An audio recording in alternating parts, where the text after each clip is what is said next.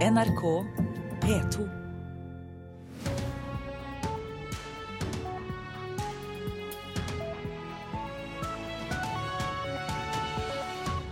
Og nyhetsbildet får du her i Nyhetsmorgen tirsdag 14. oktober.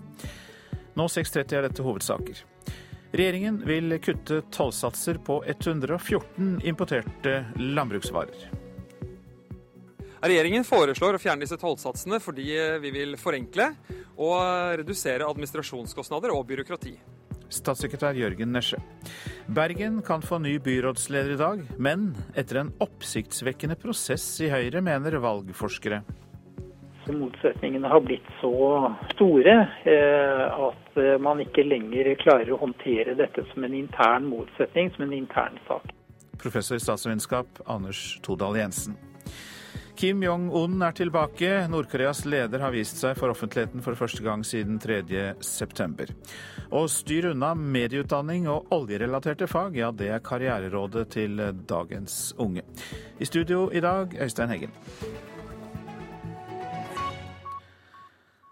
Så spør vi hva brokkoli og flamingoblomster og cornflakes har til felles. Og svaret er, ifølge regjeringen, små og unødvendige tollsatser. I statsbudsjettet for neste år foreslår den blå regjeringen å fjerne 114 tollsatser på importerte landbruksvarer. Belgfrukter, også med belg, unntatt erter og bønner, også dampkokte eller kokte i vann, fryste, 24 øre per kilo. Nøtteblandinger, tørkede, kun av kokos, para eller cashewnøtter, eller blandinger mellom disse og andre nøtter, 36 øre per kilo. Den norske tolltariffen er omfattende, for å si det forsiktig. 550 sider, for å være helt presis. Men nå kan den bli noen sider kortere, ettersom det i forslaget til statsbudsjett 2015 foreslås å stryke 114 satser som alle er på under én krone per kilo. Sopper av slekten agaricus, ikke dyrkede, tilberedte eller konserverte på annen måte enn med eddik eller eddiksyre, 60 øre per kilo. Regjeringen foreslår å fjerne disse tollsatsene fordi vi vil forenkle og redusere administrasjonskostnader og byråkrati. Sier statssekretær Jørgen Nesje i Finansdepartementet. Ja, hvem er det som først og fremst får glede av dette, da? Det er importører som slipper å forholde seg til så mange små og ubetydelige og unødvendige tollsatser. Brokkoli, også dampkokte eller kokte i vann, fryste, 80 øre per kilo. Fjerning av de 114 satsene er beregnet til å koste staten 15 millioner kroner i året i tapte inntekter. Det er det vel verdt, mener Nesje. Dette skal jo forhandles om i Stortinget. Frykter du at det blir harde dragkamper om disse tollsatsene? Nei, jeg tror ikke det blir harde dragkamper om dette. Men risikerer ikke landet nå å bli oversvømt av billig asparges, tilberedt eller konservert på annen måte enn i eddik eller eddiksyre, ikke fryste, nå som tollsatsen på 6 øre kiloen fjernes? Jeg tror nok vi kan leve med en slik eventuell overstrømning. Reporter var Halvard Norum. En mann i 20-årsalderen fra Halden som har konvertert til islam, skal ha reist til Syria, ifølge familien. Han dro for å slutte seg til ekstremistgruppa Den islamske stat, IS. Mannen er etnisk norsk, skriver Halden Arbeiderblad. Han skal ha ringt hjem for siste gang for to uker siden og sagt at han aldri kommer hjem. Mannen er med i islamistgruppa Profetens Umma. Nord-Koreas leder Kim Jong-un viste seg offentlig for første gang på over en måned da han nylig besøkte et boligområde og et forskningssenter. Det er statlige nordkoreanske medier som melder det. Kim hadde ikke vært å se offentlig siden 3.9, og det gikk rykter om at han var syk. Det ble spekulert i at han hadde ankelbrudd, gikt eller diabetes, og det var også rykter om at han var blitt avsatt. De siste bildene som er sendt rundt, viser en smilende Kim som spaserer rundt med en svart stokk og inspiserer nye boliger i hovedstaden Pyongyang. I dag skal Høyres nominasjonsmøte avgjøre hvem som blir Bergens byrådsleder. Hvis Ragnhild Stolt-Nielsen blir felt, er det første gang i Norge at en sittende byrådsleder blir fjernet av sitt eget parti for åpen scene. Kampanjen mot Stolt-Nielsen er oppsiktsvekkende, mener valgforskere. Hvis man skal bytte byrådsleder, så er det nok mest naturlig at man gjør det når partiet er i opposisjon. I kveld kan Ragnhild Stolt-Nielsens dager som byrådsleder i Bergen være talte. Høyres nominasjonsmøte skal avgjøre om hun eller Martin Smith-Sivertsen skal styre byen. Men Stolt-Nielsen stiller spørsmål ved hele prosessen, som i dag kan felle henne. Hvis det hadde vært så naturlig, så hadde det vært gjort før. Når partiet er i posisjon, med hver tredje velger i Bergen bak seg, eh, så er det ikke helt sunt og naturlig å gjøre det. Det har aldri tidligere skjedd i Norge at en sittende byrådsleder blir veltet av eget parti gjennom en avstemning. Det som eh, gjør dette spesielt, er jo at eh, striden tas ut i det offentlige rommet. Anders Todal Jensen, som er professor i statsvitenskap ved NTNU, mener at kampanjen mot Stolt-Nielsen er oppsiktsvekkende. Motsetningene har blitt så store at Eh, man ikke lenger klarer å håndtere dette som en intern motsetning, som en intern sak. Det er en, en veldig urettferdig prosess mot uh, Stoltenberg-Nielsen. Sier professor i sammenlignende politikk Frank Aarebrot. At man feller sin egen tillitsvalgte, og spesielt i en situasjon der Stolt-Nielsen aldri har fått anledning til å møte velgerne fordi at hun har overtatt etter Monica Mæland midt i perioden. Utfordra til byrådslederposten, Martin Smith-Sivertsen, ser ingen problematiske sider ved at han kan ta jobben fra den sittende byrådslederen. Partiet har en prosess på valg av byrådsleder. Og Det har vi normalt hvert fjerde år i forbindelse med at man eh, lager en liste. Eh, og Så har det vært varslet fra, fra Ragnhild Stolt-Nielsen at hvis hun ikke får tillit til den voteringen, så vil hun trekke seg. Jeg har forståelse for at mange har lyst til å være byrådsleder. Det er en kjempespennende jobb. Eh, men hvis det hadde vært så naturlig, så hadde det vært gjort før. Og reporter her, det var Kaspar Knutsen. Og vi legger til at leder i Bergen Høyre, Kenneth Stien, ikke vil uttale seg til NRK. Heller ikke leder for Høyres nominasjonskomité, Anne Lorgen Riise, var tilgjengelig for intervju. Og valget av byrådsleder begynner da i kveld i Bergen klokka 19. Det internasjonale Røde Kors legger i dag fram sin årlige statusrapport for katastrofer, World Disasters Report. Risiko knyttet til bistandsarbeid er noe av det rapporten legger vekt på denne gang, og nødhjelpssjef i Røde Kors, Tørris Jæger, velkommen til oss. Hva kan bistandsarbeidere lære av årets rapport? Ja, jeg tenker Det er i hovedsak to ting. Det ene er at eh, kunnskap er ikke nok. Vi har en utfordring og en oppgave til å bare også gjøre den relevant, formidle den, eh, snakke språket til de vi skal jobbe med, knekke koder og jobbe med de kulturbæreren, slik at vi faktisk kan oversette det til deres virkelighet. Hvordan kan dere ha nytte av det f.eks. når dere skal bekjempe ebolaepidemien? Ja, altså her, Det viktigste er jo å kunne formidle nå, I ebola var det viktigste. Det viktigste Eh, er jo eh, redusere smitte, eh, forebygging. Og da må vi kunne forstå hvilken kontekst folk lever i. Vi må snakke språket, og da er det ikke bare selve språket, men kulturen i hvordan deres hverdagsliv ser ut. Og da har vi jo sett f.eks. at begravelsesritualer er et ledd som bidrar til å smitte videre. Og her, gjennom våre frivillige som kommer fra de, eh, den eh, selve befolkningen som er berørt, som kjenner de kodene, og som har tillit i lokalsamfunnet, da kan vi oversette det slik at det også rimer eh, i den opplevelsen de selv har. Hvordan har da hjelpeorganisasjoner håndtert dette med kulturspørsmål tidligere? Det høres jo ut på deg som om man ikke har lagt nok vekt på det før? Nei, Det er det vi, vi, vi ser, og det er derfor vi, vi uh, tar opp det temaet. Det vi ser, er at um, vi har uh, ofte nok tatt um, våre egne premisser som utgangspunkt til, uh, til, vårt arbeid. Så det betyr at um, vi kan gå inn i et, i en, i et katastroferammet område og se at si, flom er, er en utfordring. Eh, og så vil man gjerne eh, eh, gjøre noe med det og eksponere folk mindre for flom. Men det man også må anerkjenne, er at folk kjenner til risikoen, risikoene de, de lever med. Så det gjelder at de kan selv håndtere det, den, den, konteksten de lever i, slik at det ikke nødvendigvis gjelder å unngå flom, men for kanskje å leve med den. siden Hvis man, jobber, eh, hvis man bor ved, et, eh, ved, en elv at, eh, så man vet at det er flom jevnlig, så gjelder det å håndtere den heller enn å, å flytte folk bort derifra. For det er det de kan. De kan leve med elven og med vannet som kommer. Å lytte da til eh, de eh, folkene som er lokalt, og de tradisjonene de har, eh, forstår jeg på deg da. Men ja, la oss gå helt hjem igjen. Altså, kan noe av denne kunnskapen overføres til hvordan vi håndterer naturkatastrofer i Norge også?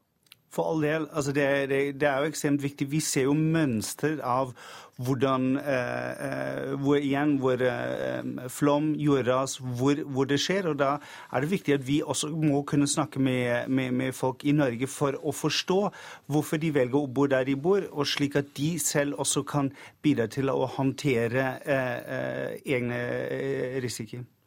Mange takk, Tørres Jæger. Du er da nødhjelpssjef i Røde Kors. Mens eh, Stortinget rett før sommerferien ga kommunene mulighet til å forby tigging på offentlige steder, så har tigging lenge vært forbudt i Danmark. Nylig utførte Københavns politi en aksjon mot tigging som de sier har hatt positive ringvirkninger, men andre er kritiske. Ja, så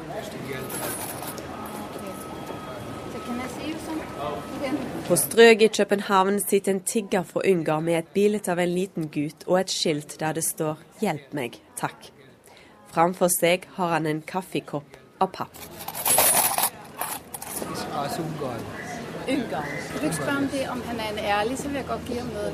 Ei dansk kvinne vil gjerne vite om gutten på bildet er sjuk. Tiggeren snakker bare tysk og sier det er sønnen hans som trenger penger til musikkutdanning. Det vi har kunnet se, det er at den indsats vi har lavet i, øh, i Indre by, har i hvert fall hatt en avsmittende effekt i forhold til antallet av bedlere og tiggere. Viste politiinspektør i Københavns politi Tom Struve sier at den ekstra innsatsen politiet har hatt mot tigging siden mai, har hatt en god effekt. Tallet på tyveri har gått ned. 42 saker i 2013. Og da har vi foreløpig inntil nå, altså her i 2014, tolv saker alt i alt. Medan det ble meldt 42 saker om tigging i fjor, er det nede på tolv så langt i år. Det er alle advaringer eller bøter, men straffa kan òg være fengsel eller utvisning. Struve sier det andre år aksjonen blir gjennomført, og han har hatt en preventiv effekt. Tigging er ulovlig jf. med den danske straffeloven, og det samme er forstyrring av den offentlige ro og orden. Vi har hatt øh, Oslo politi her nede i foråret fordi de interesserte seg litt for hva vi har gjort. I Norge har tigging vært lovlig siden 2005, men snart blir det mulig for kommuner å forby det dersom de ønsker det. Uansett så er det langt flere tiggere på gata i Oslo enn i København og Struve sier Oslo-politiet har vært på besøk. Vi fant jo også rett hurtig ut av at lovgivningen var jo litt forskjellig, så det skulle nok gjøres noe. Det er politiets kontrollseksjon for utlendinger som har stått for aksjonen mot tigging. Mange av de som tigger er hjemløse og kommer fra utlandet. Stressreaksjon mot Europas fattigste. Ja, det er det der. Men Preben Brandt, grunnlegger av organisasjonen Prosjekt utenfor for hjemløse, mener det er umenneskelig å jage de fattige i Europa på denne måten. I stedet bør en sørge for herberge og omsorg, og dessuten forbedring av forholdene i heimlandet. Vi vil gjerne ha fordelene ved et åpent Europa, men vi vil ikke ha ulempene. Og det er altså ikke i orden. Mens Truve sier det er et spørsmål om trygghet. Bekymret for at det ligger noen og sover nede i deres gård eller på en trappeoppgang. Tiggeren fra Ungarn er ikke redd for å tigge i Danmark. Den danske kvinna sier hun vanligvis verken er sjenert av tiggere eller gir penger til dem. Men i dag var det bildet av gutten som fikk 100-kronerlappen opp av lomma. Okay. Yeah. Reporter i København, Tove Irén Gerhardsen. Så til avisene. Kreftrammede Gunhild Lunda Borgen får en medisin som andre kvinner nektes fordi den er for dyr, skriver Aftenposten. Borgen er ung og har et lite barn, og derfor gjør sykehuset et unntak for henne. Medisinen kan forlenge livet for brystkreftpasienter med 16 måneder, men koster over 1 million kroner per pasient. Slitne vognførere av Bybanen er en sikkerhetsfare, sier hovedverneombud Eirik Gabrielsen til Bergens Tidende. Han mener at det er trafikkfarlige arbeidsforhold på Bybanen i Bergen, med mye overtid, få minutters pause og førere som holder på å sovne. Pensjonsbombe i operaen er tema i Dagsavisen. Utgiftene til pensjoner tar en firedel av budsjettet til Den norske opera og ballett. Administrerende direktør der, Nils Are Karstad Lyse, sier at aktivitetsnivået ikke kan opprettholdes dersom det ikke kommer endringer i pensjonsordningene. Tar fra fattige unger, skriver Klassekampen om regjeringen. Tall fra Nav viser at 35 000 fattige barn blir enda fattigere som følge av kutt i barnestøtten til uføre foreldre. Bare halvparten av oss mener økologisk mat er den sunneste, kan vi lese i Nasjonen. Produsentene av økologisk mat i Oikos er skuffet, men ifølge Bioforsk er det ikke noe bevis for at økologisk mat er sunnere enn den konvensjonelle. Folk i Søgne bretter opp skjorteermene og stiller sine blodårer til rådighet for å løse flåttgåten. Det skriver Federlandsvennen. De bidrar dermed til forskning på infeksjoner etter flåttbitt, som drives av det nasjonale kompetansesenteret for flåttsykdommer ved Sørlandet sykehus. Kirken har null interesse for kunst, sier Håkon Bleken til Vårt Land. Kirken lever en tilbaketrukket tilværelse, men burde vært mer interessert i samtidskunst, sier Bleken. Solveig Horne sliter med likestillingen, kan vi lese i Stavanger Aftenblad. Over 71% av de ansatte i hennes departement er kvinner. Likestillingsdepartementet er dermed det departementet som er minst i kjønnsbalanse. Fotballandslaget får ros i mange aviser etter seieren over Bulgaria. Ja, vi elsker nye Norge, skriver VG. Dette gir oss kjempeboost, sier landslagstrener Per-Mathias Høgmo til Dagbladet. Og vi fortsetter der vi slapp i presserunden, for 15 år gamle Martin Ødegaard kan nå så langt han bare vil. Det sier flere av lagkameratene på landslaget etter at Strømsgodset-spilleren i går kom på banen i 2-1-seieren over Bulgaria. Det var altså i VM-kvalifiseringen. Og dermed skrev han fotballhistorie. Publikum på Ullevål stadion reiste seg og jublet da 15 år og 300 dager gamle Martin Ødegaard kom inn som innbytter, og dermed ble tidenes yngste spiller i en EM-kvalifiseringskamp, uansett nasjon. Lagkameratene Tarek Elionossi og Joshua King er imponert over kvaliteten på Ødegaards spill, og de mener det ikke er grenser for hvor god han kan bli. Han ser så rolig ut med kula, det er fantastisk. Ja, det er, jeg er skikkelig overraska når jeg ser en 15-åring holde på sånn. Det er, er morsomt å se oss. Det er bare å, å glede seg til fortsettelsen. Hvor langt kan han nå? Så langt som han vil. Gutten kan bli så god han bare vil. Selv var Strømsgodsets stortalent Martin Ødegaard fornøyd med innsatsen, selv om han var veldig nervøs. Jeg var nervøs når jeg løp utpå der, men når jeg får så mye jubel, så, så må du bare smile egentlig og, og, gå utpå der og prøve å kose deg. Så det, jeg syns jeg klarte å holde nervene sånn noenlunde under kontroll, så det, det gikk fint. Det ga veldig mersmak, det, det er helt klart. Jeg syns han var en godkjent plussdebut, altså det må man kunne si. Trygg på ball, vise eksellent ballkontroll og overblikk. En fornøyd landslagssjef der, Per-Mathias Høgmo, og reporter var Geir Elle. Klokka den nærmer seg 6.48, og dette er hovedsaker i Nyhetsmorgen. Regjeringen vil kutte tollsatser på 114 importerte landbruksvarer, tollsatser som regjeringen mener er små og unødvendige. I dag kan Bergen få ny byrådsleder, men etter en oppsiktsvekkende og urettferdig prosess i Høyre, mener valgforskere.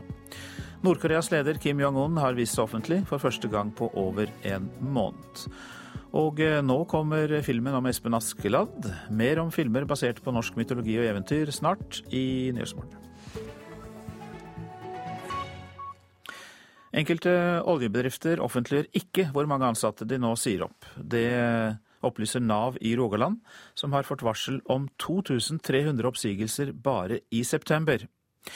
Daglig leder ved Markedsføringshuset i Stavanger, Trygve Forgård, sier det er problematisk at store bedrifter ikke vil fortelle om sine bemanningskutt. Nyheter fra NRK Rogaland. Statoil planlegger å kutte ytterligere 500 arbeidsplasser på norsk sokkel. Som også hørte i Dagsnytt, inntil 230 ansatte i offshoreselskapet Aibel mister jobben. Nesten 600 ansatte i oljeservicebedriften Bilfinger mister jobben. Det har vært mange nyhetsmeldinger om bemanningskutt i oljebransjen de siste ukene. Før helga kom tallene fra Nav Rogaland som viser at de har fått varsel om 2300 oppsigelser bare i september. Oljekrisa får hovedskylda. Men ikke alle er like åpne om kutta, og det finnes bedrifter offentligheten ikke har fått greie på at har varsla kutt, sier avdelingsdirektør i Nav Rogaland Egil Tengs. Det gjør det nok. Det ligger nok bedrifter her som ikke har kommunisert dette verken med, i, i mediebildet. Mens det er òg bedrifter som har vært ute og sagt dette veldig tydelig i media. Daglig leder ved Markedsføringshuset i Stavanger, Trygve Forgård, sier det er problematisk at store bedrifter holder tett om bemanningskutt. Hvis en er en betydelig aktør og unnlater å kommunisere det, så er det negativt i den forstand at eh, vi samfunnet har rett til å vite hva som skjer eh, i sånne eh, situasjoner som vi er inne i nå. Også forbundsleder i fagforbundet Safe, Hilde Marit Rust, sier åpenhet er det beste. Det er et problem hvis det er sånn at man blir pålagt eh, en type taushetsplikt. Man bør alltid kunne være åpen om fakta. Hva som gjør at uh, hvilke oppdrag som forsvinner, som gjør at man så tilfelle må gå til oppsigelser etc. Sånne faktabaserte opplysninger bør man alltid være åpen om. Forgår i Markedsføringshuset tror årsaker til at enkelte oljebedrifter holder korta tett i brystet om kutt, rett og slett er at de ikke har erfaring med dårlige tider. Det kan være at eh, dette har ikke bedriften vært inne i før. Vi har vært 10-15 år med oppgang i denne regionen. De har aldri opplevd å måtte permittere tidligere. Og da har de ikke en, erfaring, en instruks på hvordan de skal håndtere dette. Og i det kjølvannet så kan nok være en del bedrifter som burde ha kommunisert dette ut, men som ikke gjør det. Men enkelte bedrifter kan også ha sine grunner for å holde tett. De har brukt mye eh, tid og krefter på å bygge opp et godt omdømme. De kan være at de er redd for påvirkninger på aksjekurser eller på verdien av selskapet. De ønsker ikke å ha negativ eh, selvfølelse blant de som jobber, de ansatte, altså få negativ psykologi. Og ikke minst signalisere til kundene at det går dårlig. Flere av de store oljebedriftene har også vært åpne om at de kutter tallet på ansatte, blant de oljeservicebedriften Bilfinger, som har sagt opp 600 ansatte. HR-direktør i Bilfinger, Rune Erland, sier deres avgjørelse om å gå offentlig ut bl.a. handler om respekten for de ansatte. Det er ikke noe sånn så hemmelig at vi valgte å gå til, til oppsigelse av så mange personer, men, men da syns vi det òg var riktig at vi, vi, gikk ut med det offentlig, og ikke prøvde å holde det mest mulig internt. Det og det, det, Den beslutningen er vi glad for at vi gjorde. Dette er også rådet fra PR-ekspert Forgård. Den klare anbefalingen hvis det er store kutt, er jo at en skal være åpen om dette. En, en, når en skal ha positivt oppmerksomhet om ting som, som, altså det positive som skjer, og alt det som, som, som er kjekt for bedriften, så må en òg ta konsekvensen av det med å kunne fortelle det som er negativt. Reporter her, det var Magnus Stokka. Unge bør tenke seg nøye om før de tar en medie- eller oljerelatert utdanning. Det mener professor i samfunnsøkonomi ved Norges handelshøyskole, Kjell Salvanes. I dag arrangeres Vestlandets største karrieredag i Grieghallen, og Salvanes mener altså at det er noen yrker som peker seg negativt ut.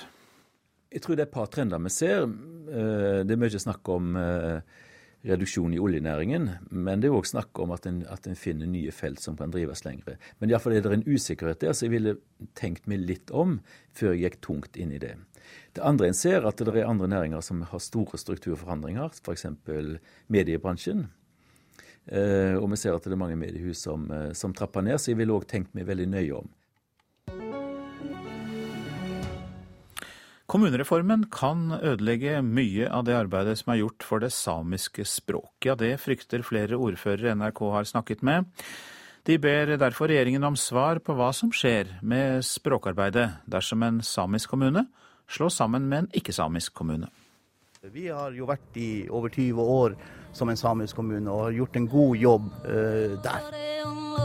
Fungerende ordfører Svein Oddvar Leirås i Kåfjord etterlyser informasjon fra Kommunaldepartementet, før han innbyr til sammenslåing med en kommune som ikke er uttalt samisk. Kåfjord er sammen med Lavangen de eneste to kommunene i Troms hvor kommuneskiltene også er på samisk. Altså de to eneste innenfor forvaltningsområdet for samisk språk. Jeg er jo bekymra for at, at, eh, vi som eh, samisk kommune da på en måte ikke får lov å være det i fortsettelsen. Sier Lavangen-ordfører Erling Bratsberg. Det er jo eh, snakk om identiteten eh, til vår kommune og de innbyggerne eh, som er samiske i, i vår kommune. De to ordførerne ber nå departementet ta de samiske kommunene med på tettere dialog om hvordan det samiske kan ivaretas i eventuelle storkommuner. I dag er det ti kommuner i landet som er i forvaltningsområdet for samisk, og hvor norsk og samisk språk dermed er likestilt.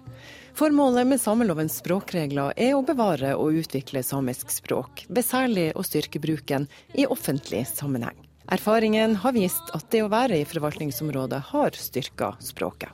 Nå har vi i kommuneproposisjonen eh, slått fast at vi har et mål om at eh, de sam den samiske befolkningen i de forskjellige kommunene ikke skal komme dårligere ut av en eventuell kommunesammenslåing. Det sier Anders Bals, statssekretær for samiske saker.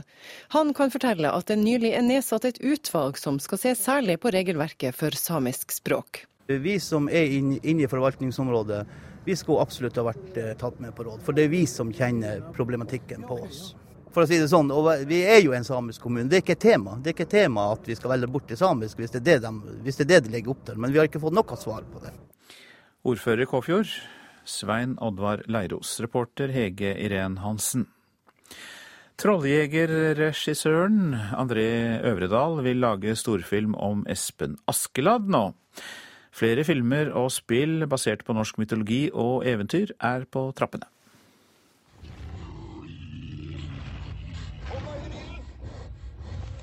I 2010 lot han Dovregubben herje fritt i kinosuksessen 'Trolljegeren'. Nå går André Øvredal løs på en annen nasjonalskatt. Her har du skipet, konge. Og det går like godt til lands og til vanns og i lufta med. Og nå er kongsdatteren min, som du har lovet. Han er liksom den ultimate uh, nordmann på mange måter. Sier Øvredal om helten i sin neste film, nemlig Espen Askeladd. Regissøren mener eventyrene om Askeladden er modne for å komme på det store lerretet igjen, 50 år etter Ivo Caprinos dukkefilmer. Kanskje du er snill og gir meg noe å bite i òg, du? Nå tar du til taket med en uh, havrelefse. Uh, de er jo fantastiske, de filmene. Uh, så de er jo absolutt en del av inspirasjonen. Men jeg mener at det ligger veldig veldig mye i eventyrene allerede. Det er veldig masse absurde og morsomme element i eventyrene. Og det, det er masse, masse dramatikk. Det er egentlig veldig, veldig spennende. Og det er flere som nå er i gang med å lage moderne fortellinger av gamle norske folkeeventyr. Produksjonsselskapet Tappeluft jobber med en filmtrilogi om Askeladden. Huldi-filmen Tale får en engelskspråklig oppfølger snart, og en rekke andre filmer og spill som tar utgangspunkt i norsk mytologi, er på vei. We struggle, anguished and distressed, until we are at last pulled under and stripped of Spillselskapet Red Thread Games i Oslo lar en guffen skikkelse fra norske sagn spille hovedrollen. Draugen er eh, litt stilig, for at den er ikke så definert som eh, f.eks. en nisse. Da. Eh, og det liker vi veldig godt. Spilldesigner Martin Brusgaard jobber med spillet som kort og godt heter Draugen, som lanseres for et internasjonalt spillpublikum neste år. Han mener norsk mytologi er en gullgruve for spill- og filmskapere. Vi føler at den har blitt brukt altfor lite i spill. Altfor mange som bare faller tilbake på å lage zombier når de skal ha noen noe monstre og, og, noe skummelt. Og vi tenkte vi har jo et kjempemulighet her til å tappe inn i det urnorske. Eh, og vi kan eh, på en måte pirre eh, utlendingers interesse for hva, hva, norsk mytologi eller nordisk mytologi er for noe. Så vi tenkte på at dette er win-win-win. Og disse glimt fra skumle norske tradisjoner på film eh, var laget av reporter Halvor Haugen. Så var det værvarselet fram til midnatt. Fjellet i Sør-Norge, litt regn lengst nord, snø i høyfjellet, ellers oppholdsvær og noe sol. Det kan bli lokal tåke i dalførene først på dagen. Østlandet får litt regn av og til nord for Mjøsa, men ellers delvis skyet oppholdsvær. Fra i ettermiddag kan hende litt regn også lenger sør på Østlandet. Det blir lokal morgentåke. Telemark og Agder får delvis skyet oppholdsvær. Lokal morgentåke også der, da. I kveld kan hende litt regn på kysten i øst. Vestlandet sør for Stad. I ettermiddag nordøst liten kuling ved Stad. Lokal tåke først på dagen, ellers pent. Møre og Romsdal og Trøndelag enkelte regnbyger. Fra i ettermiddag stort sett oppholdsvær og lettere skydekke. Nordland først på dagen enkelte regnbyger i nord, ellers oppholdsvær og perioder med sol. Troms enkelte sluddbyger, ellers eh, snøbyger, flest da i ytre strøk. I ettermiddag forbigående oppholdsvær. Finnmark i kveld vestlig eller nordvestlig opp i stiv kuling på kysten. Enkelte snøbyger i kyst- og fjordstrøk. I kveld økende byggeaktivitet. Og Nordensjøland på Spitsbergen delvis skyet oppholdsvær. Temperaturer, og disse ble målt klokka fem i natt. Svalbard lufthavn minus ni. Kirkenes null. Vardø pluss én. Alta to. Tromsø-Langnes én. Bodø to. Brønnøysund fem. Trondheim-Værnes sju. Molde og Bergen-Flesland begge med fem grader. Stavanger seks. Kristiansand-Kjevik sju. Gardermoen to grader. Lillehammer fire. Røros tre. Og Oslo-Blindern én grad. Du hører en podkast fra NRK P2.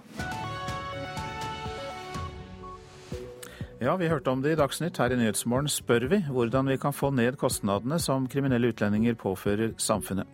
Nestlederen i justiskomiteen, Anders Werp fra Høyre, kommer til oss. Ni av ti ansatte sier nei til større lønnsforskjeller i Norge. Også ledere sier nei til økte forskjeller, viser undersøkelse. Catalonia dropper folkeavstemningen om løsrivelse fra Spania. Og årets pinnekjøtt kan bli det beste på lang tid. Ja, vi hørte om det i Dagsnytt, altså. Kriminelle utlendinger påfører politi, domstoler og kriminalomsorg enorme kostnader før de blir sendt ut av landet. I eh, gjennomsnitt eh, så koster en uttransportert kriminell justissektoren mellom en halv million og én million kroner. Det er altså beregninger fra Politidirektoratet. Men så finnes det eksempler på enkeltpersoner som har kostet nesten tre millioner kroner før de sendes ut av landet. Ja, her ser vi vanlig arrestcelle. Politiinspektør Vegard Røås viser fram den spartanske cella, der ett døgns opphold koster over 3000 kroner. Det er nokså enkel standard her. Det er da heller ikke meninga at de skal tilbringe mye tid her. Her er altså godt over halvparten utlendinger uten tilknytning til Norge. Ja, det er jo personer som ikke har eh, oppholdstillatelse her, og som eh, i stor grad er her for å bedrive kriminalitet. Hva slags kriminalitet er det de er tatt for? Det er i stor grad vinningskriminalitet, eh, det er lommetyveri, boliginnbrudd, eh, butikktyverier, også mye narkotikakriminalitet. Det krever store ressurser til tolking og etterforsking, og fordi de må settes i varetekt. De vil stikke av hvis ikke vi holder i varetekt frem til hovedforhandlinga. Nå har Politidirektoratet tatt for seg drøyt 2000 straffedømte utlendinger som ble uttransportert fra Norge i 2011 og 2012. De er til sammen anmeldt 18 000 ganger. Det ble 9000 dommer og fengselsopphold til 1800 kroner døgnet. Til sammen kosta de over 1 milliard kroner, og da er ikke kostnaden for selve kriminaliteten eller belastningene for ofrene tatt med. Det sier fagdirektør Atle Roll Mathisen i Politidirektoratet. Utlendinger som har eh, begått eh, kriminalitet i Norge, koster eh, samfunnet veldig mye penger. Og det er mange gode grunner for å intensivere arbeidet for å returnere de raskere enn det som gjøres i dag. Spesielt tar rapporten for seg ressursene som ble brukt på 24 utenlandske kriminelle. Noen har kosta samfunnet flere millioner og har flere dommer og fengselsopphold bak seg. Så hvorfor ble de ikke sendt ut tidligere? Det er ikke bare å sette dem på et tog eller et fly. Vi må vite hvem de er og hvor de skal, eh, og så må vi ha en rimelig trygghet for at det ikke kommer tilbake også. Rapporten sier at det vil være samfunnsøkonomisk lønnsomt å vinkle innsatsen enda tydeligere mot de personene som eh, har begått kriminalitet her, framfor å sende ut folk som bare er her ulovlig etter å ha fått eh, avslag på asylsøknaden. Hva mener dere med det? Man får mest effekt, samfunnsøkonomisk effekt, ved, ved, å prioritere denne gruppen, og kanskje prioritere den enda høyere enn det vi gjør i dag. Eh, men, men, da må man jo være klar over hva det går på bekostning av. Dette er ofte tunge saker som, eh, som er eh, krevende. Reportere Kjartan Røslett og Simon Solheim. Og flere detaljer om de 24 utenlandske kriminelle som har kostet samfunnet mest, kan du finne på våre nettsider nrk.no. Anders Werp, god morgen til deg. God morgen. Du er nestleder i justiskomiteen fra Høyre og er med oss fra studio i Drammen. Bør vi bruke ressursene annerledes, altså kaste ut kriminelle raskere framfor å kaste ut de som riktignok har ulovlig opphold, men som ikke har et kriminelt rulleblad? Ja, Denne rapporten uh, indikerer veldig sterkt at uh, det må nok prioritere uh, de som har begått kriminalitet.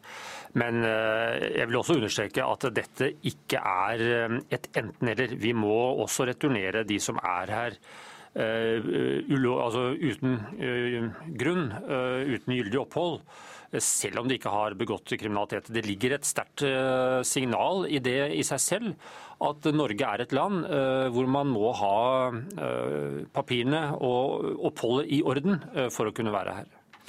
Vil nestlederen i justiskomiteen, nemlig du Anders Werp, gjøre noe med dette? Ja, Vi har jo gjort mye allerede fra regjeringens side, og det vil vi følge opp på Stortinget. For det første er jo, er jo, budsjettet styrket. Og i budsjettet så ligger det jo et historisk løft i antall tvangsreturer. Over 10 000 personer skal returneres og, sendes ut av landet, som ikke, ikke har gyldig opphold her eh, til neste år, eh, ifølge budsjettet. Det er det lagt inn penger til. I tillegg så er det jo også en generell eh, styrking av politiet med 350 nye politistillinger. Samtidig som vi også styrker både kriminalomsorgen, altså fengselsvesenet, og domstolene. Så får vi da håpe at utkastelsen av de kriminelle kan skje raskere. Det tror jeg de fleste er opptatt av. Men så har vi jo det at mange kommer seg inn igjen i landet landet etter å ha blitt kastet ut. og Hvordan kan myndighetene stoppe det?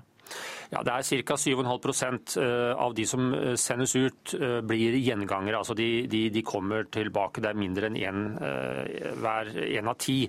Og det er for mange, selvfølgelig. Og vi må styrke dette. Det, det, må, skje, det må, skje, via den generelle styrkingen av politiet. At vi, vi kort og godt får, får, mer muskler til å møte, møte det, den utfordringen. Og vi må styrke det internasjonale samarbeidet. Vi er jo medlem av Schengen. Det er et veldig verdifullt eh, samarbeid som gir oss flere muligheter og mer informasjon til å møte dette offensivt enn hvis vi ikke hadde vært med i Schengen. Så det må vi utnytte til det ytterste. Men så kunne det vært enklere hvis vi ikke hadde hatt dette EØS-medlemskapet og dette frie arbeidsmarkedet? Ja, men jeg tror nok ikke næringslivet øh, ville være veldig fornøyd med det. Øh, det ville hatt en enormt stor samfunnsmessig kostnad i forhold til verdiskaping, som nok hadde vært den andre siden av den vektskålen. Takk skal du ha, Anders Werp. Du er da nestleder i justiskomiteen og representerer Høyre. Ni av ti ansatte vil ikke ha større inntektsforskjeller i Norge. Også lederne er imot større forskjeller, viser årets arbeidslivsbarometer fra YS. Det er da Yrkesorganisasjonenes sentralforbund. Også Frognerfruene blir irritert over at noen tjener veldig mye, mens andre tjener veldig lite. De som tjener flere millioner i året, jeg syns det er liksom nok. i forhold til en som kanskje tjener 350 000.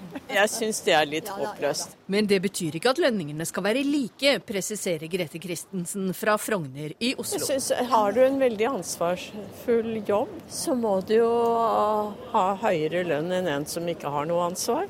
Yrkesorganisasjonenes sentralforbund har tatt temperaturen på arbeidslivet hvert år siden 2009.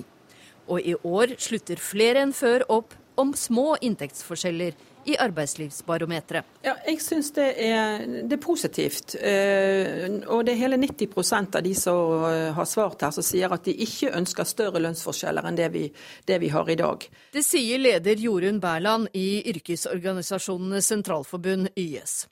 I undersøkelsen ble 3000 ansatte og ledere spurt. Bør det være større eller mindre inntektsforskjeller i samfunnet fremover?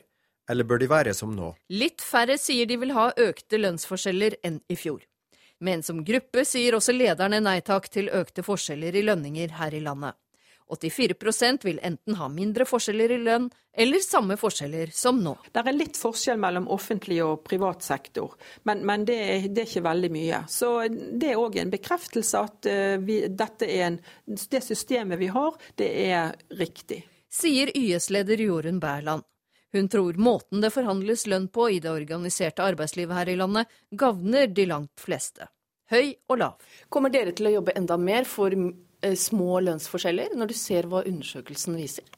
Jeg syns iallfall det er viktig å ta vare på det vi, det vi har. og den, Det betyr jo at frontfagsmodellen den har sin misjon, og at eh, sånn som vi gjennomfører oppgjørene og den, det fokuset vi har både fra arbeidstaker- og arbeidsgiversiden når vi forhandler, at det er noe riktig i det. Sykepleier Synnøve Færmann i Oslo sier det må være ulike lønninger for ulike jobber, og at utdanningen må lønne seg. Men små lønnsforskjeller er bra sier hun. Det bør ikke være store forskjeller, men igjen så kommer det jo an på hva du jobber med, tenker jeg. Så har du gått syv år på skole, så syns jeg jo det er rettferdig at du tjener mer enn en som kanskje har gått to år eller ett år. Eller tre år, for den saks skyld. Jeg syns jo det er riktig at en lege kanskje tjener mer enn en sykepleier. Så jeg er jo sykepleier selv. Reporter her, det var Hedvig Bjørgum. Steinar Holden, riktig god morgen. Takk. Du er professor i samfunnsøkonomi ved Universitetet i Oslo. og Kort fortalt, undersøkelsen viser at ni av ti nordmenn vil ha mindre lønnsforskjeller i Norge. Og Hva kan eh, samfunnet oppnå av fordeler ved å oppfylle dette ønsket? Ja, Vi har jo lave lønnsforskjeller i Norge sammenlignet med andre land, og det tror jeg er veldig gunstig av flere årsaker. Hva vi kunne, få med eh, hva vi kunne oppnå med å få enda lavere lønnsforskjeller, er nok, litt, eh, er nok litt avhengig av hvordan dette skjer. I offentlig sektor kunne, jo, kunne jo politikerne gripe inn i større grad og, og, sørge for at vi fikk mindre lønnsforskjeller. Men der vil vi nå få en utfordring med at offentlig sektor egentlig ligger nokså høyt for de lavtlønte. Sånn at det kunne nok skape litt problemer i forhold til privat sektor. Mens Eh, for høytlønte så ligger offentlig sektor litt eh, bak eh, privat sektor, og kunne skape, det kunne skape litt problemer der også, så man minsket lønnsforskjellene i offentlig sektor. Men det kan jo dukke opp et problem, da, at de som har mange års utdannelse bak seg, de kan sitte igjen med følelsen at de ikke får lønn for strevet? Ja, dette er jo noe som en del utdanningsgrupper i offentlig sektor eh, føler på. At, eh, at, eh, de ikke har så mye høyere lønn enn mange gru andre grupper med mye lavere lønn. Men gjennomgående ser vi jo at uh, utdanningsgrupper tjener på å ha utdanningen sin. Men, men det er helt klart litt ulikt at uh, leger og advokater tjener mer på det enn det uh, enkelte andre grupper gjør.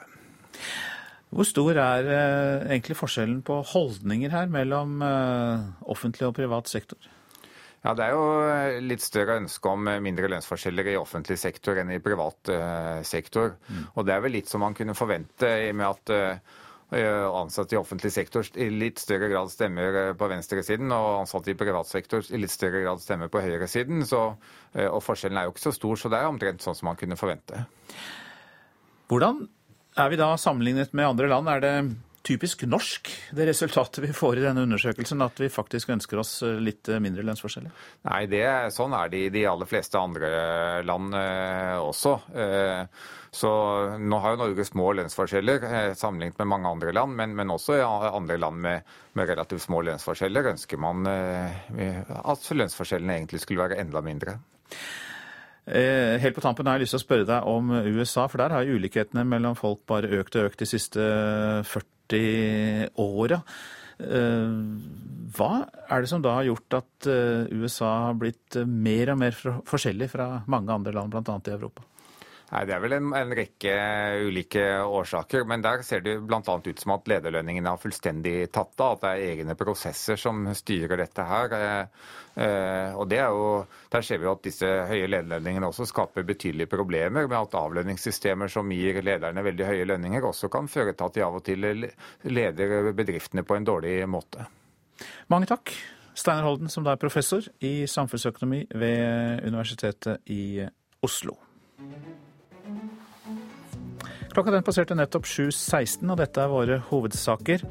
En enkelt kriminell utlending kan koste politi, domstol og fengsel flere millioner kroner før han blir utvist, viser ny beregning. Ni av ti ansatte sier nei til større lønnsforskjeller i Norge. Også ledere sier nei til økte forskjeller. Og vi skal høre at Catalonia dropper folkeavstemning om løsrivelse. Mer om det straks. Nå først om Nord-Koreas leder Kim Jong-un, som har vist seg offentlig for første gang på over en måned. og Det skjedde da han nylig besøkte et nytt boligområde og et forskningssenter. Og Da tar vi kontakt med deg, Asia-korrespondent Peter Svår. Hva viser da disse bildene? Ja, de, vi, vi, ser jo her Kim Jong-un som uh, i hvert fall etter det som blir hevdet, besøker et nytt boligkompleks for ansatte i landets romfartsindustri. Han går med stokk, og det underbygger i hvert fall uh, øyensynlig påstanden om at uh, Kim Jong-un har slitt med en kneskade. Enten fordi han har blitt for tjukk, eller som den offisielle forklaringen sier, fordi han levde seg for mye inn i en militærøvelse.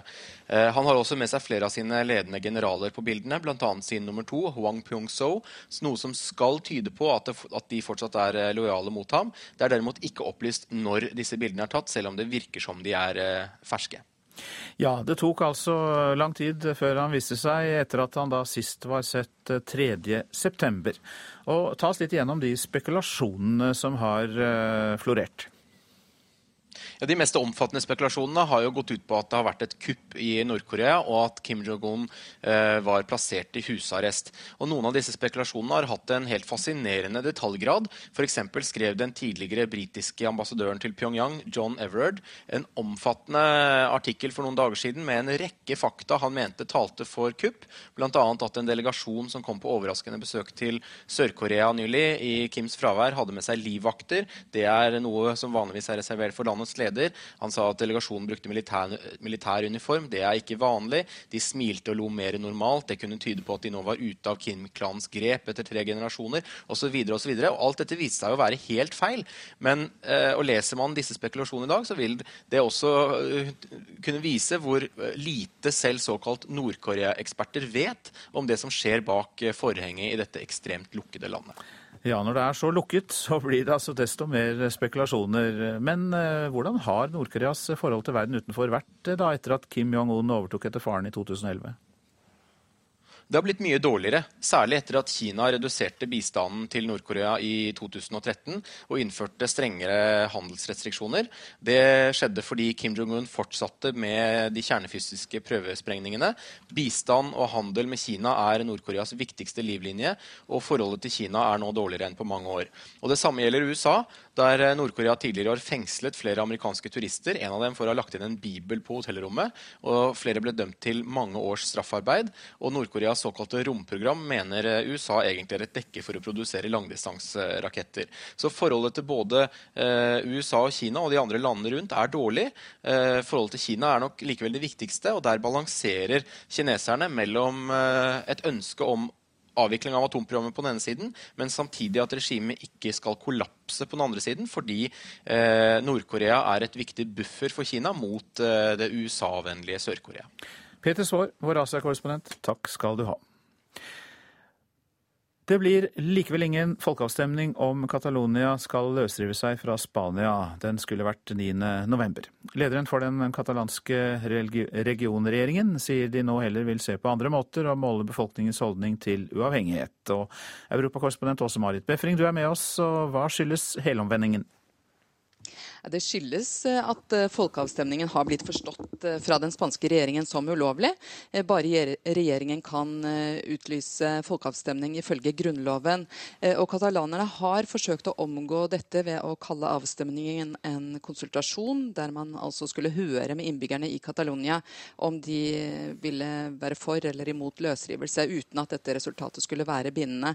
Men en forfatningsdomstol har avgjort at det fikk de ikke lov til å gjøre, og sent i går kveld så bøyde de altså av eh, for dette. Og det vi lurer på er jo da hvorfor det i utgangspunktet ble ytret et ønske da, om eh, løsrivelse. Ja, Denne prosessen her startet for et par år siden, men Catalonia har kjempet for selvstyre i årevis. Eh, regionen har et eget språk, de har en egen kultur som ble undertrykket under Franco-regimet. Og selv om regionen er i dag en av de mest uavhengige i Spania, med egen lokal regjering, de har egne lover osv., så, videre, så får de ikke beholde alle skattepengene selv. Og under den økonomiske krisen så har inntrykket av at de holder resten av Spania flytende, forsterket forsterket seg. De er lokomotivet i den spanske eh, økonomien. Og det er jo ingen grunn til eh, å ikke tro dem på det, at de eh, føler det sånn. Fordi Catalonias økonomi er på størrelse med Portugal, og de har klart seg veldig bra i denne økonomiske krisen også. Men nå, når lederen for den katalanske regionregjeringen har gitt etter kan vi vel si, for sentralregjeringen i Spania, hva skjer da? Ja, Ingen tror at siste ord er sagt med dette. De ønsket jo, eh, som skottene, å få lov til å prøve dette spørsmålet. Ja eller nei til uavhengighet. Nå har den spanske regjeringen undertrykket det, sagt at dette får dere ikke lov til. Eh, og om et par timer nå så skal eh, lederen for den katalanske regjeringen. Han skal holde en pressekonferanse, eh, og spekulasjonene går nå på at han vil eh, utlyse et nyvalg. Og da tror man at nasjonalistene vil storme inn i det lokale parlamentet, og at dette er, bare er begynnelsen. Mange takk, europakorrespondent Åse Marit Befring. Nå om en gruppe biskoper i Vatikanet som har lagt fram et dokument der de går inn for å anerkjenne enkelte rettigheter for homofile. Tidligere kritikere av Vatikanets holdning overfor homofile kaller utspillet et jordskjelv. Le persone omosessuali hanno doti e qualità da offrire alla comunità cristiana. Biskopkonferansen foreslår at Vatikanet skal akseptere at homofile kan ha både evner og kvaliteter som kan komme kirken og samfunnet til gode. Det er på ingen måte snakk om å godta homoseksuelle handlinger eller samliv mellom to av samme kjønn, men homofile grupper med katolsk forankring kaller allikevel forslaget et viktig skritt i riktig retning og et gjennombrudd. Det er snakk om å slippe homofile brødre inn i den katolske varmen.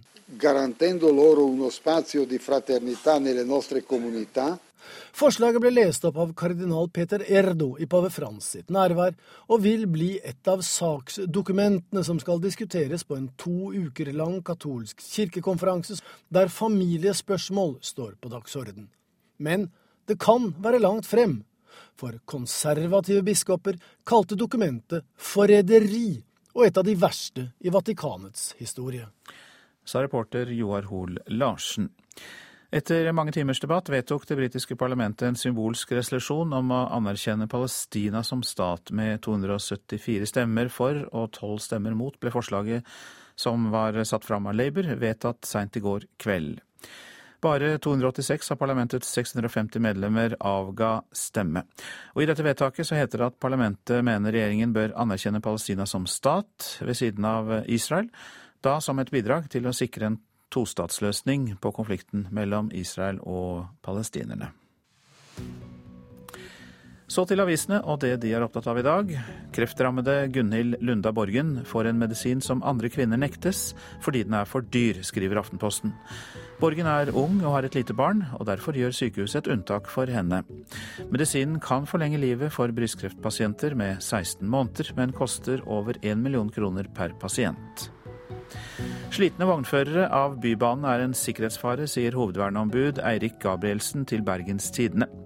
Han mener at det er trafikkfarlige arbeidsforhold på Bybanen med mye overtid. Få minutters pause og førere som holder på å sovne. Pensjonsbombe i operaen er tema i Dagsavisen. Utgiftene til pensjoner tar en firedel av budsjettet til Den norske opera og ballett. Administrerende direktør der, Nils Are Karstad Lyse, sier aktivitetsnivået ikke kan opprettholdes dersom det ikke kommer endringer i pensjonsordningene tar fra fattige unger, skriver Klassekampen om regjeringen. Tall fra Nav viser at 35 000 fattige barn blir enda fattigere som følge av kutt i barnestøtten til uføre foreldre. Bare halvparten av oss mener økologisk mat er den sunneste. Det kan vi lese i Nasjonen. Produsentene av økologisk mat i organisasjonen Oikos er skuffet, men ifølge Bioforsk er det ikke noe bevis for at økologisk mat er sunnere enn den konvensjonelle. Folk i Søgne bretter opp skjorteermene og stiller sine blodårer til rådighet for å løse flåttgåten, skriver Fedrelandsvennen. De bidrar til forskning på infeksjoner etter flåttbitt, og den forskningen drives av det nasjonale kompetansesenteret for flåttsykdommer ved Sørlandet sykehus. Kirken har null interesse for kunst, sier maleren Håkon Bleken til Vårt Land. Kirken lever en tilbaketrukket tilværelse, men burde vært mer interessert i samtidskunst, sier Bleken. Solveig Horne sliter med likestillingen, kan vi lese i Stavanger Aftenblad. Over 71% av de ansatte i hennes departement er kvinner. Likestillingsdepartementet er dermed det departementet som har minst kjønnsbalanse. Fotballandslaget får ros i mange aviser etter seieren over Bulgaria. Ja, vi elsker det nye Norge, skriver VG. Og dette gir oss en kjempeboost, det sier landslagstrener Per-Mathias Høgmo til eh, Dagbladet. Ja, det nærmer seg jul, for årets pinnekjøtt er på vei til butikkene, og det kan bli bedre enn noen gang tidligere. En lang og god sommer samt eh, flinkere bønder har gjort årets lam eh, større enn noen gang før. Det betyr at du og jeg får et fyldigere og bedre pinnekjøtt.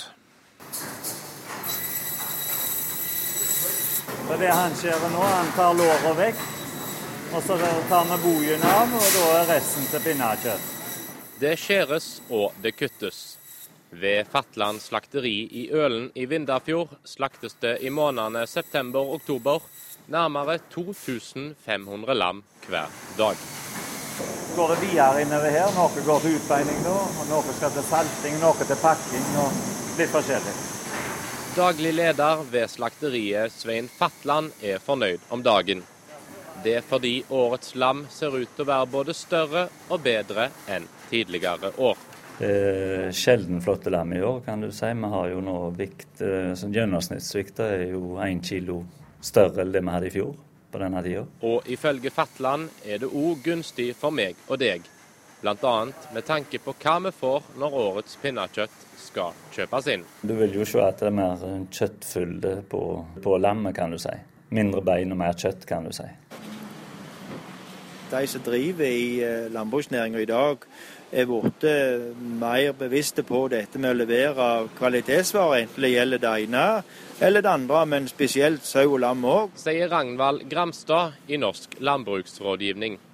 Selv om en lang og flott sommer har gjort sitt til at beitene i Rogaland har vært veldig gode denne sesongen, tror han bønder har blitt flinkere til å produsere bedre produkter. Jeg ser sånn For vår egen del så arrangerer vi en del eh, kurs, eh, beitekurs for sau og lam.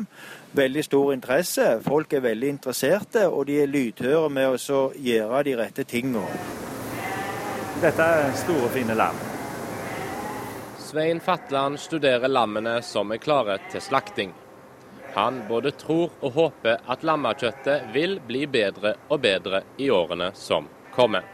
Været kan vi gjøre lite med, selvsagt, så det vil jo variere litt fra år til år. For det er jo, det er jo voldsomt avhengig av fôring etter hvor fine dyr vi får. Til bedre fôring du har, til bedre fôr du har, til bedre blir kvaliteten på, på dyret. Men, men, eh, men at bøndene blir flinkere, er òg ganske vesentlig for kvaliteten her. Så det, det, det, blir en god sesong både for bonden og for slakteriet og for forbrukeren, dette her.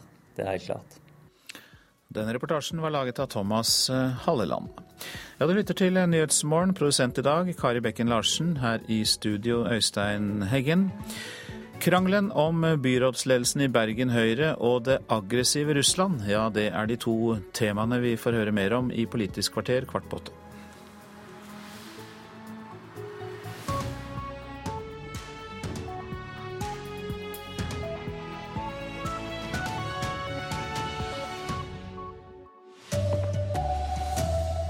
Utenlandske kriminelle koster det norske samfunnet opp mot 1 million kroner hver. Klar melding fra folk flest, vi vil ikke ha større inntektsforskjeller her i landet. Og det var fotballfest på Ullevål i går kveld. Trua på landslaget er tilbake. God morgen, her er NRK Dagsnytt klokka 7.30. Utenlandske kriminelle er en stor påkjenning for den norske justissektoren. Det viser en rapport fra Politidirektoratet. I gjennomsnitt koster hver utenlandsk kriminell mellom en halv million og en million kroner, og da er langt fra alle kostnadene med i regnestykket. I Oslo er 60% av de som sitter i arresten på politihuset, utlendinger. Ja, her ser vi vanlig arrestcelle. Politiinspektør Vegard Røås viser fram den spartanske cella, der ett døgns opphold koster over 3000 kroner. Det er nokså enkel standard her. Det er da heller ikke meninga at de skal tilbringe mye tid her. Her er altså godt over halvparten utlendinger uten tilknytning til Norge. Og som eh, i stor grad er her for å bedrive kriminalitet. Det krever store ressurser til tolking og etterforsking, og fordi de må settes i varetekt de vil stikke av hvis ikke vi holder i varetekt frem til hovedforhandlinga. Nå har Politidirektoratet tatt for seg drøyt 2000 straffedømte utlendinger som ble uttransportert fra Norge i 2011 og 2012. De er til sammen anmeldt 18 000 ganger.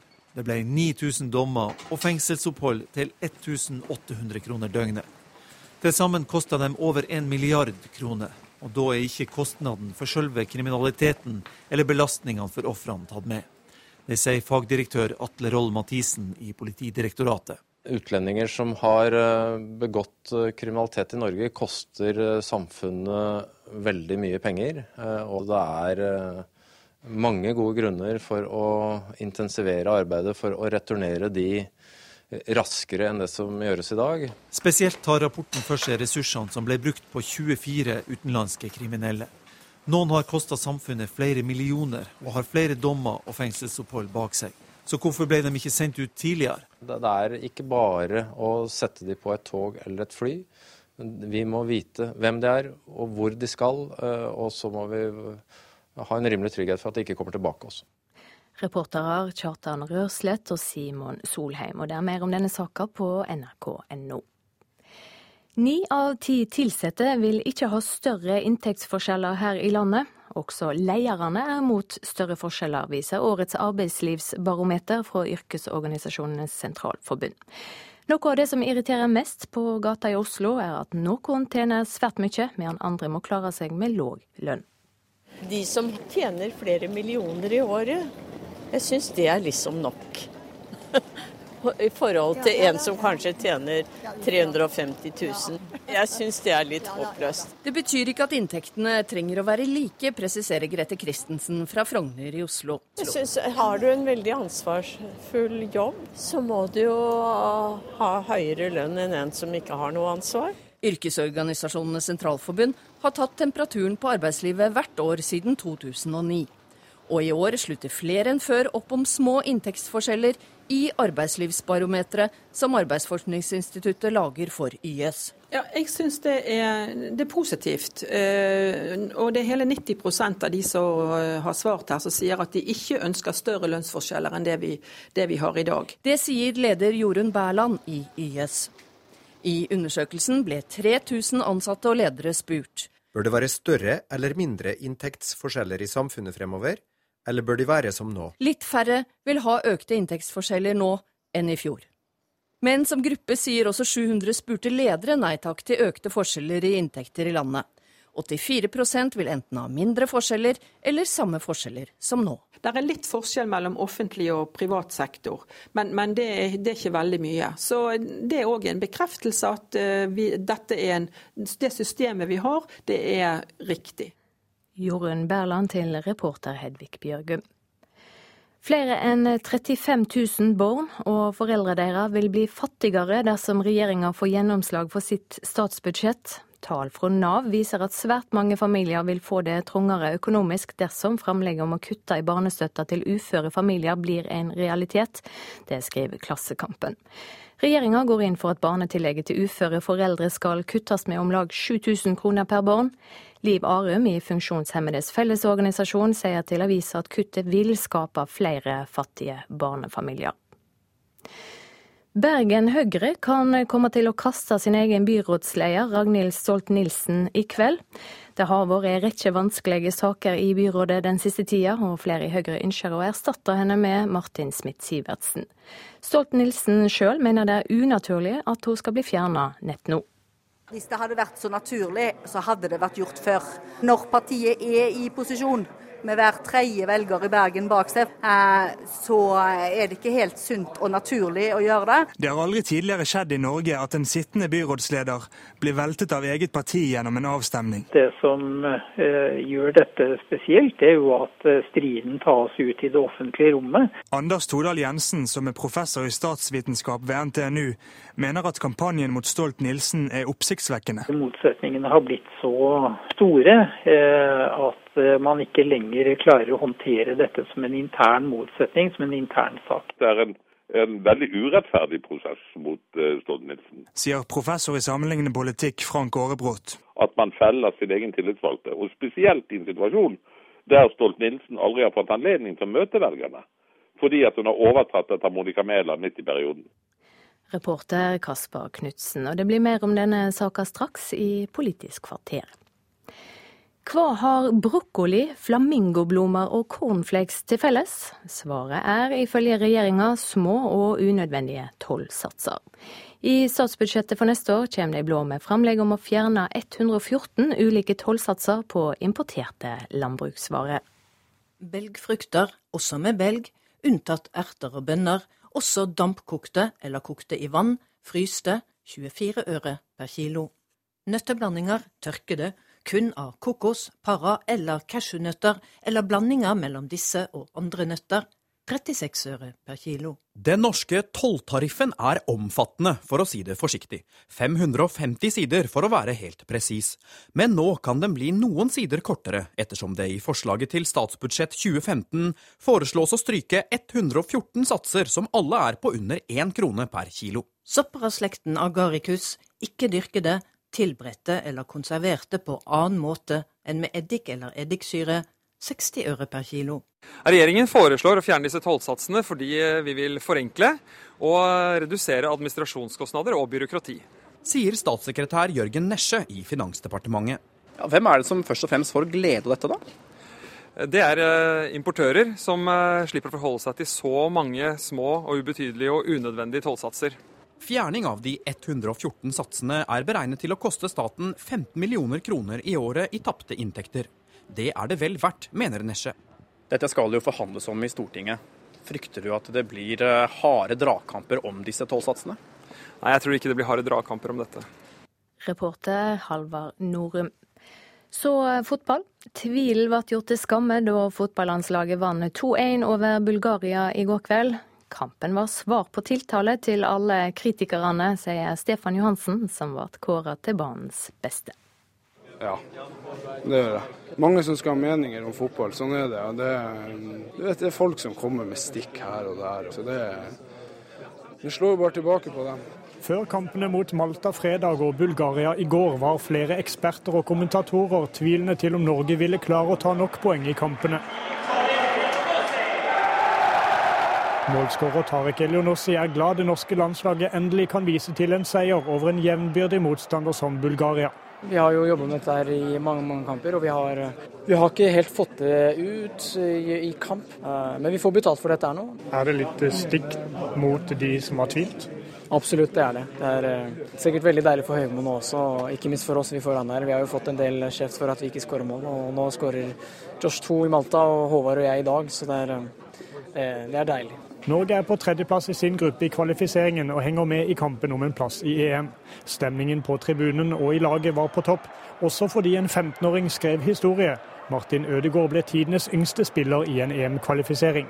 Jeg syns jeg klarte å holde nervene sånn noenlunde under kontroll, så det gikk fint. Det ga veldig mersmak, det, det er helt klart. Og til slutt her Martin Ødegaard til reporter Geir Elle.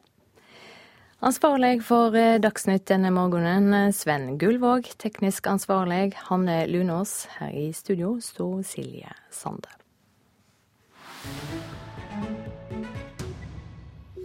Nyhetsmorgen skal til Afrika. I morgen er det presidentvalg i Mosambik, og som ved tidligere valg er det ventet at den forhenværende frigjøringsbevegelsen Frelimo vinner denne gangen også. Men partiet får hard kamp fra sin mangeårige motstander, den andre frigjøringsbevegelsen Renamo, som også da er blitt et politisk parti. Joar Ho Larsen har laget denne reportasjen. Enki kandidato! Enki kandidato! Vamos fazer como? Frelimos presidentkandidat har partimaskineriet og folkemassen i ryggen. Forsvarsminister Filipe Nyosi blir etter alt å dømme den østafrikanske republikkens neste statsoverhode, da den sittende presidenten Armando Gebusa ikke kan gjenvelges etter to femårsperioder i presidentpalasset.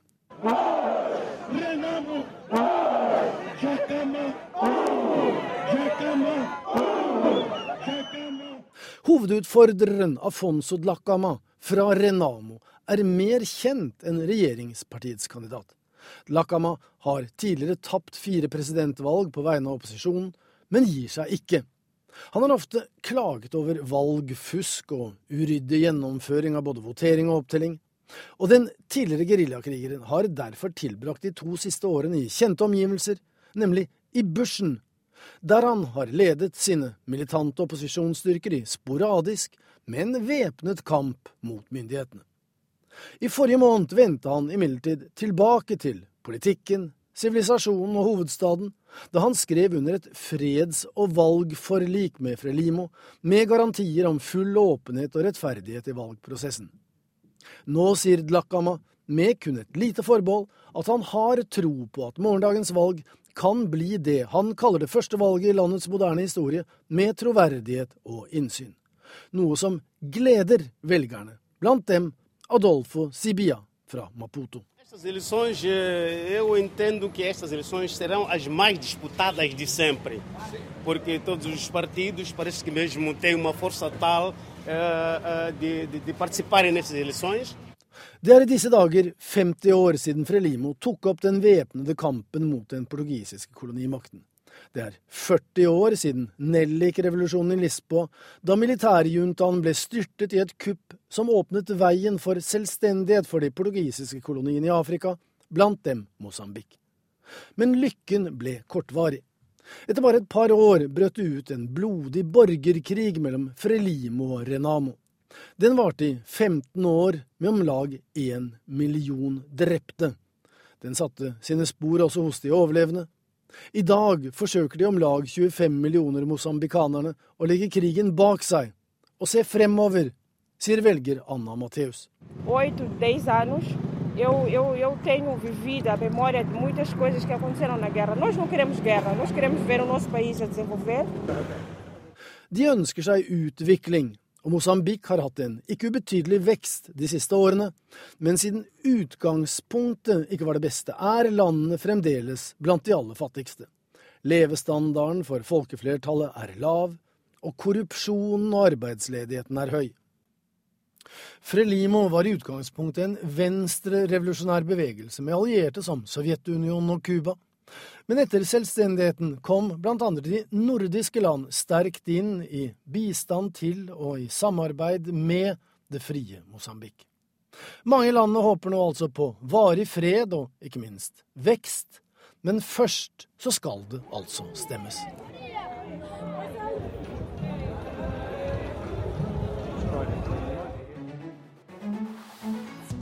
Dette er hovedsaken i Nyhetsmorgen. En enkelt kriminell utlending kan koste politi, domstol og fengsel flere millioner kroner før han blir utvist, viser ny beregning.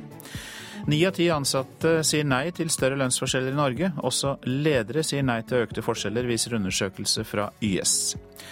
Catalonia dropper folkeavstemningen om løsrivelse fra Spania. Folkeavstemningen ble betraktet som grunnlovsstridig av den spanske regjeringen i Madrid. Og Nord-Koreas leder Kim Jong-un har nå vist seg offentlig for første gang på over en måned.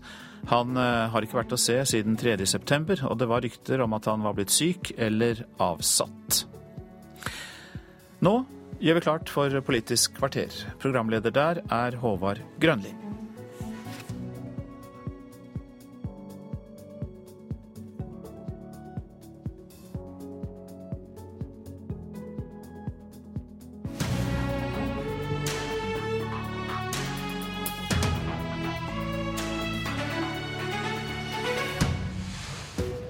Russland viser muskler i nord.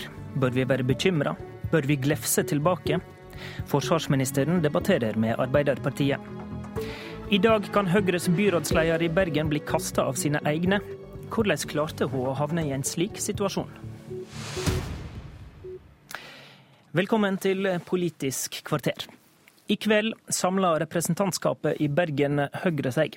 De opptil 300 delegatene der skal velge byrådslederkandidat framfor lokalvalget neste år. Den sittende byrådslederen Ragnhild Stolt-Nielsen blir utfordra av Martin Smith-Sivertsen. Han har vært ute av politikken i flere år, men kom på banen i sommer. Nominasjonskomiteen har støtta utfordreren med seks mot ei stemme. God morgen i studio i Bergen. Sittende byrådsleder, iallfall enn så lenge, Ragnhild Stolt-Nielsen. God morgen. I kveld kan det bli skrevet parlamentarisk historie, sier du. Og da mener du nok ikke det i positiv forstand. Hva er det du mener? Når jeg har sagt at det skrives parlamentarisk historie, så skyldes jo det eh, at det er første gang det skjer at et parti går mot sin egen byrådsleder eller statsminister. Eh, så det er jo det jeg har ment med uttrykket parlamentarisk historie. Så er det jo sånn at det er fullt legitimt å gjøre det når et parti har en nominasjonsprosess, og det er det vi har nå. Du har sittet i stolen i ett år etter at Monica Mæland ble henta til regjeringa. Hva politiske tabber har du gjort det siste året som gjør at du bør bli kasta? Det skal, jo, det skal, jo, ikke stikkes under stol at temperaturen i bergenspolitikken tidvis kan være ganske høy. Og spesielt så har det vært veldig høyt når vi skulle prøve å legge en bybanetrasé fra sentrum i Bergen og nordover mot uh, Åsane. Uh, det ble en voldsom debatt preget av sterke følelser, uh, og det er jo nok det som mest hefter med meg. Har du leia den prosessen på en god måte? Ja, det kan det jo sikkert være ulike meninger om. Men mitt utgangspunkt var at det var viktig å få lagt en trasé som i størst mulig grad kunne betjene byen og Åsane. Så hadde byrådet en innstilling, og så tapte den innstillingen i bystyret, og så er vi der vi er i dag. Du eh, og motkandidat Martin Smith-Sivertsen var i en debatt forrige uke. Han var invitert eh, til oss eh, i dag tidlig, men eh, kunne ikke det. Eh, men da dere var i debatt, så ble det synlig relativt små politiske forskjeller. Eh, dere mener stort sett det samme, sa rapportene etter den debatten. hvis dere er politiske nesten-tvillinger, da dreier vel dette seg om hvem som er rett person til å lede Norges nest største by? Ja, heldigvis så vil jeg jo si at det er veldig få politiske forskjeller mellom Martin Smith-Sivertsen og meg. Vi tilhører jo tross alt samme parti. Eh, så er det nok ulike oppfatninger om hvem som er best egnet til å lede partiet frem mot en valgseier i 2015. Mm. Men økonomien i Bergen er jo nærmest skakkjørt, og byrådssamarbeidet har variert. Det er fullt kaos om Bybanen. Har det vært god lederskap fra Høyre og de sider, da? Jeg stiller meg helt uforstående til at økonomien i Bergen skulle være skakkjørt. Eh, det er den overhodet ikke. Vi har store planer og store investeringsprosjekter, og vi har fremdeles en sunn økonomi. Men så er det Men sånn dere måtte innføre eiendomsskatt? Det måtte vi gjøre. Det er fordi at bergenserne må ta ansvar for de problemene som vi har knyttet til skolebygg. Og vi valgte å innføre eiendomsskatt fordi vi mener at det viktigste vi kan gjøre nå, det er å sikre trygge skolebygg for våre barn.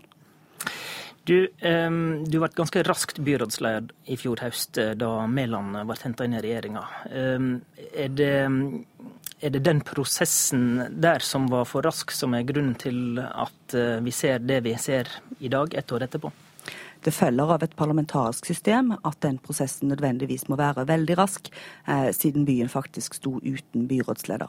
Så hadde vi en runde i partiets eh, arbeidsutvalg som hadde en innstilling som gikk til bystyregruppen, eh, som eh, tok imot meg som byrådsleder. Så kan man jo selvfølgelig mene at man burde ha gjort dette på en annen måte, og at situasjonen nok ville ha sett annerledes ut da. Men eh, hurtige skifter krever hurtige løsninger. Bergen er jo en borgerlig by, og det skal vel godt gjøres dersom Høyre skal miste grepet der. Men kan det som skjer i kveld eh, i verste fall ødelegge for partiets posisjon i byen, etter ditt syn? Nei, det tror jeg ikke. Vi har eh, hver tredje velger i ryggen i Bergen.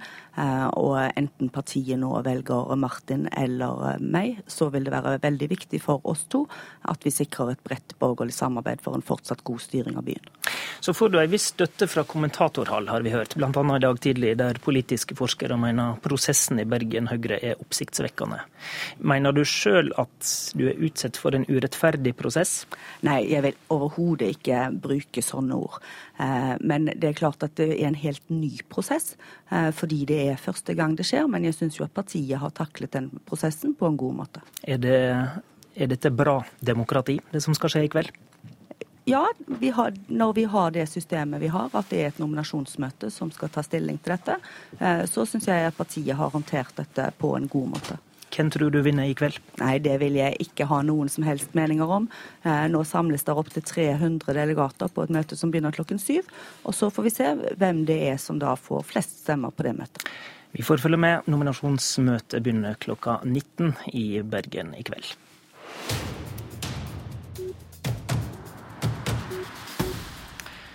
Russlands militæraktivitet i nord er i ferd med å bli trappa opp.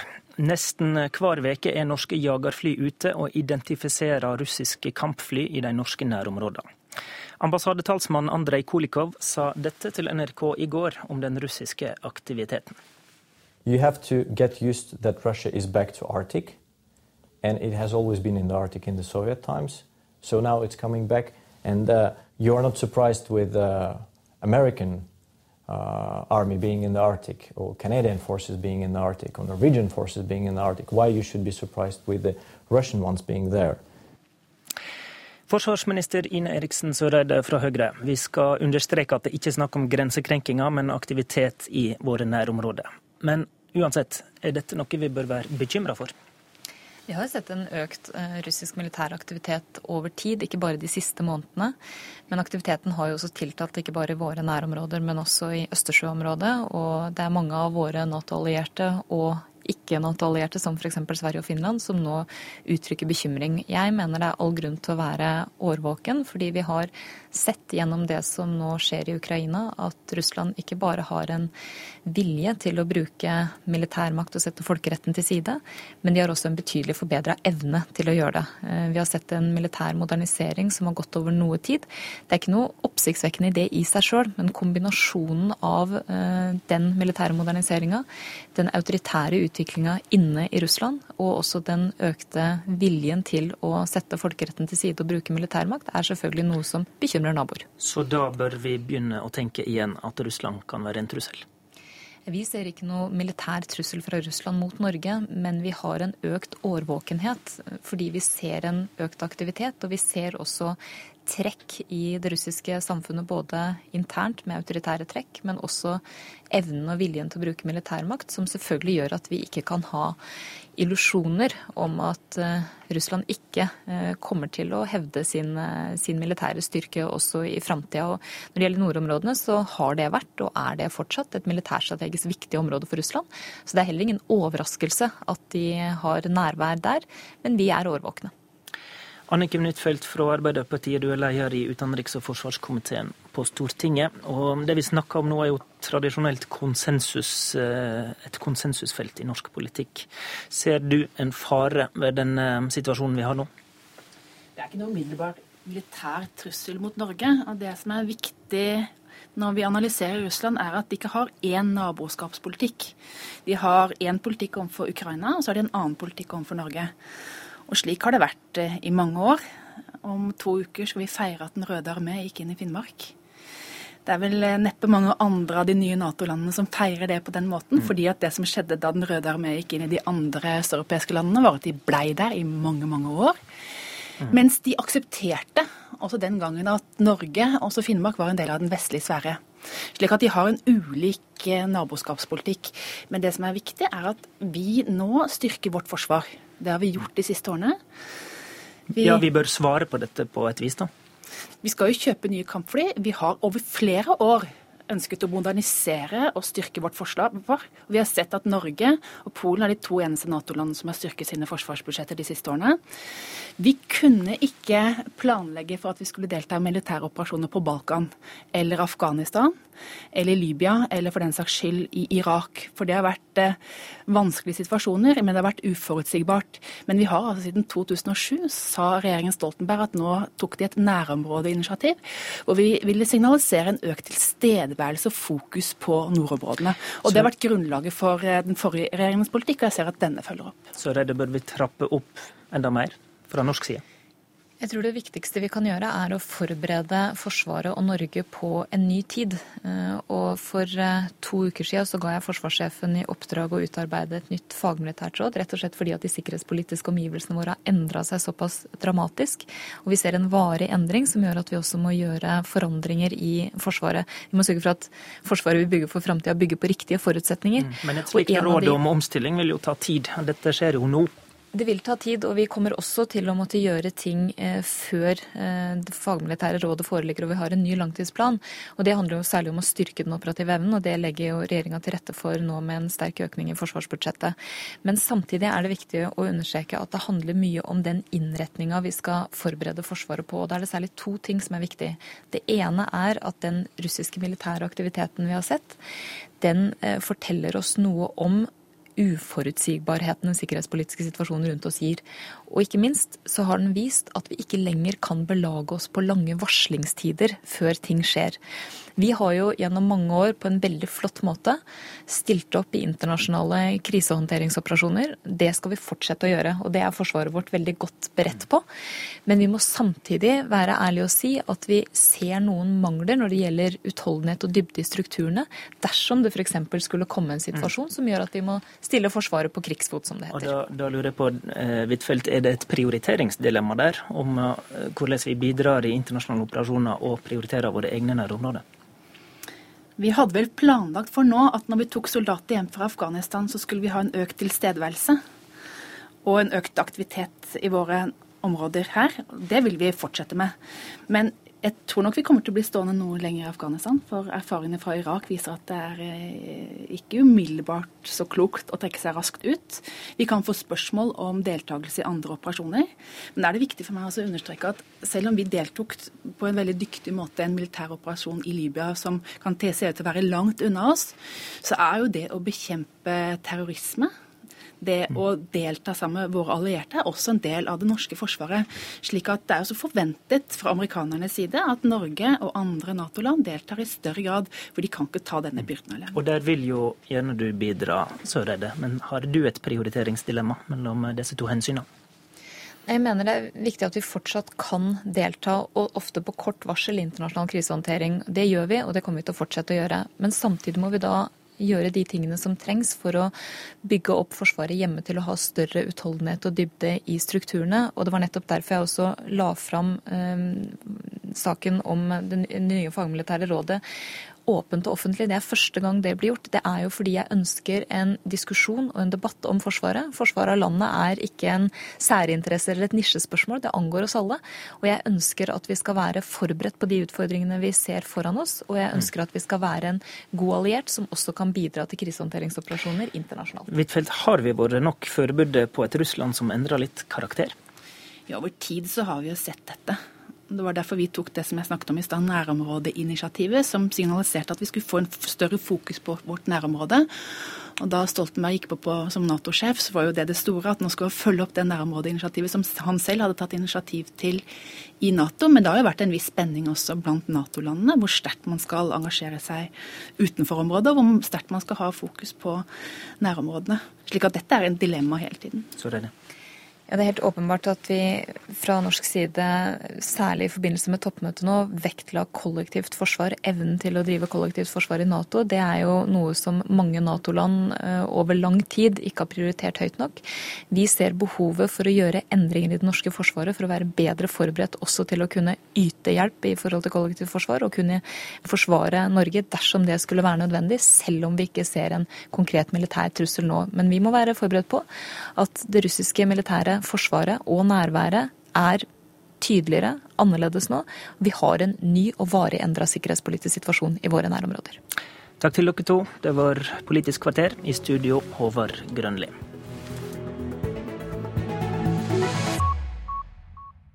Hør flere podkaster på nrk.no podkast.